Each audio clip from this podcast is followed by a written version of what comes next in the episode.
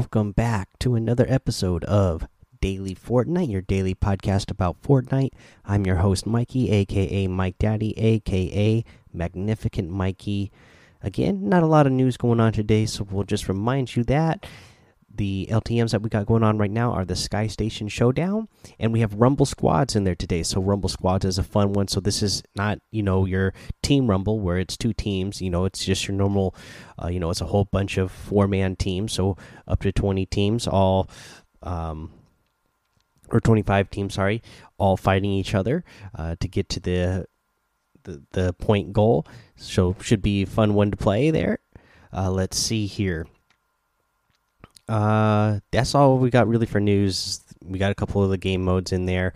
So let's go ahead. Let's talk about the challenges. You know, at first I wasn't really liking the way they were doing challenges this season. I'm still not liking the way they are handling the daily challenges. I don't like the limited time challenge thing that they have going on. Not a fan of the way they are doing that. Uh, just because, again, you know, there's so many people. I mean, there's your daily grinders and everything, but there's a bunch of people who can't play every day. And if you you know if you don't have your, those challenges done and then they go away uh, on a day that you're not able to play so you're not able to complete them uh, i like i know there's a couple people in the discord that they you know their kids in school they can only play on the weekends or uh, you know they only get to play a certain amount of time a day or only a certain amount of time even on the weekend. So there's only so much time that you get. Uh, so I, I kind of wish they'd rather just do the daily challenges like they did in the past but uh, you know, I actually like the way they are handling the weekly challenges with the uh, the regular challenges and then the prestige challenges that you can uh, move on from there. I feel like I am progressing fast through this season's uh, battle pass, but uh, we'll get to that in a minute. Let's just go over what we have uh, so far. So here's here's what you get uh, in this week's challenges. You need to uh, let's see here. Uh, this is the uh, spray and pray uh, battle pass missions here, and you need to. Let me find it. Okay, here we go. You need to deal damage to opponents' uh, structures with a minigun. You need to eliminate opponents with a SMG less than 15 meters away. You need to search chests in tilted. You have to deal damage to SMGs with opponents. Uh, you need to uh, spray a fountain, a junkyard crane, a vending machine, uh, and spray different gas stations and find different spray cans uh, or find lost spray cans.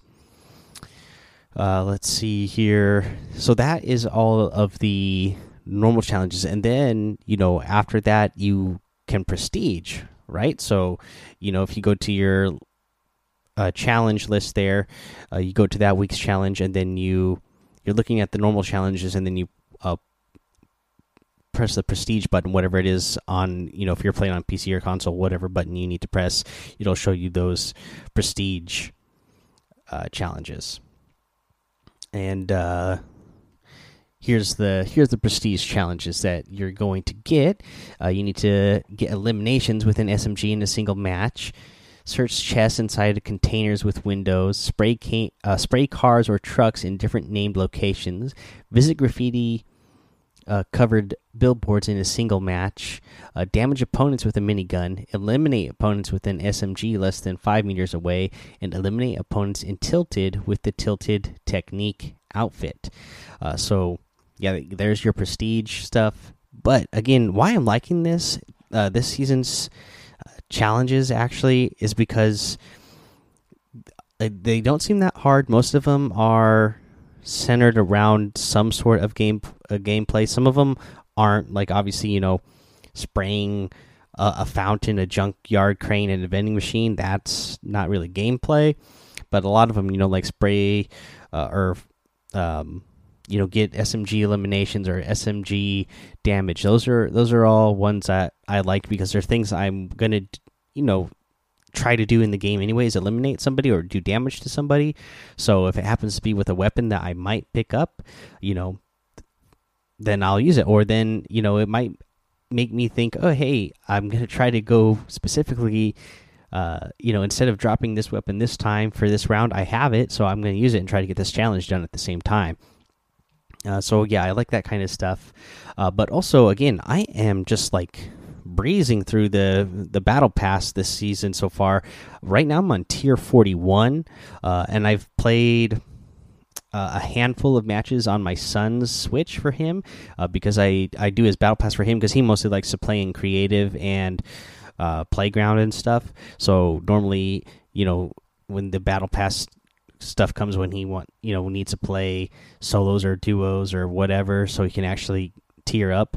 He has me do that stuff unless we play Team Rumble together sometimes, and he can get some stuff done in there. But most of the times he has me do it, and even though I've only played a handful of matches with him on there, I think I have him up to like tier 13 already. You know, so I'm at tier 41 already. He's at tier 13 already. And like I said, I've barely played on his Switch, just a handful of matches. So I'm really liking the way uh, challenges are working out for me just because uh, the last couple of seasons I felt like I had a, you know, especially, you know, two jobs, third kid now. I've been having a lot less time to uh, spend playing the game and getting the challenges done. Like when I play the game, uh, because I have a lot less time now, you know, my focus has been okay. I just want to play a game. I want to play a match. I want to focus on trying to get a win because I only have so much time here. I don't want to, you know, focus on challenges that aren't, you know, having me do anything related to, you know, helping me get a win in the long run.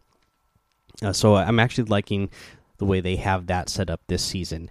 Uh, the now that we're, you know, a week into it. All right, so that's my thoughts on that. Let me know what you guys think.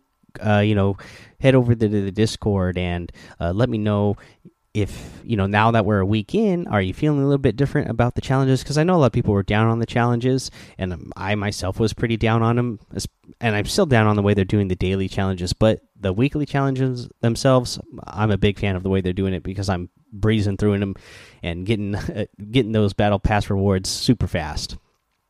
All right, we'll go ahead, guys. Take a little break here. We'll come back. Uh, we'll go over the item shop and our tip of the day as well. All right, let's go over this item shop. In the item shop today, we got some new items. First up, we got the uh, faucet outfit, uh, or facet, multifaceted combat specialist. Uh, you know, I like her look. I like the whole gray hair bangs thing she's got going on with the the hoodie, um, the face mask. There's something about that that hoodie that I like. The way it's shaped, I guess. Uh, you know, it, it's different from what they've you know other stuff that they've put out. So I, I like that. We got the geode back bling that comes with it, rock solid. Uh, goes very well with this outfit. I must say, it does fit uh, perfectly with that. Also, in this Sting set, you get the Bone Wasp outfit. Victory runs bone deep. Uh, you know, I like this guy too. Now, I, I mentioned this in Discord, guys, because, you know, we do have a leaks channel where people like to post uh, stuff for leaks. Again, you know, we post that in the leaks channel. That way, people who don't want to be spoiled don't get spoiled. But, you know, I took a peek in there and saw that this Bone Wasp outfit was something that would be coming out. And somebody remind me, where I feel like I've seen this character somewhere before. He reminds me of something from something I've seen before. Somebody mentioned something in the Discord from some movie, but it was some kids movie that I haven't seen before, so I don't think that's the character I'm thinking of, but he looks really familiar with the whole way his face and teeth are shaped. Just really reminds me of something else. I don't know, like a toy or maybe a cartoon. I don't know. He looks really familiar though. Anyways, he also comes with the Primal Danger back bling. Trust your instincts. This big, huge sword on his back uh, with a obviously a bone handle. You know, I like the way that one looks as well. That's a cool looking sword. Uh, we get the Primal Sting harvesting tool as part of the Sting set as well. That's gonna leave a mark. And the Horned Strike glider. Grab the battle by the horns. Pretty cool looking glider. Let's see here. Also in the item shop today, you get the Fate outfit. This is one that I absolutely love. She looks like some sort of, you know, female warlock. You know, I've always liked the way she looks, and I've always loved that ominous orb back bling that she comes with as well. Uh, you also get the uh, faded frame harvesting tool in here with the split wing glider as well. You got that deep sea destroyer outfit. I really like this one. Uh, you get the bouncer emote, the desert dominator outfit, the star power emote. That's a really good emote.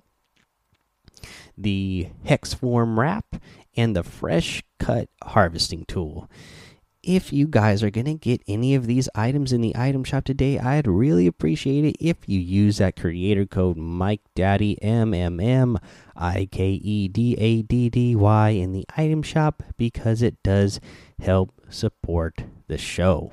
Alrighty, so let's get to our tip of the day. And the tip of the day, this is a simple one. This is going to be uh, the brute and the mix, and this was something I wasn't sure of myself. So I I just now just got done testing it out because I've been kind of paranoid because with the brute, you know, you can stomp on things and smash things and collect plenty of materials, but I didn't know, you know, what happens to, you know, because if you break something that a chest is sitting on, that chest goes away.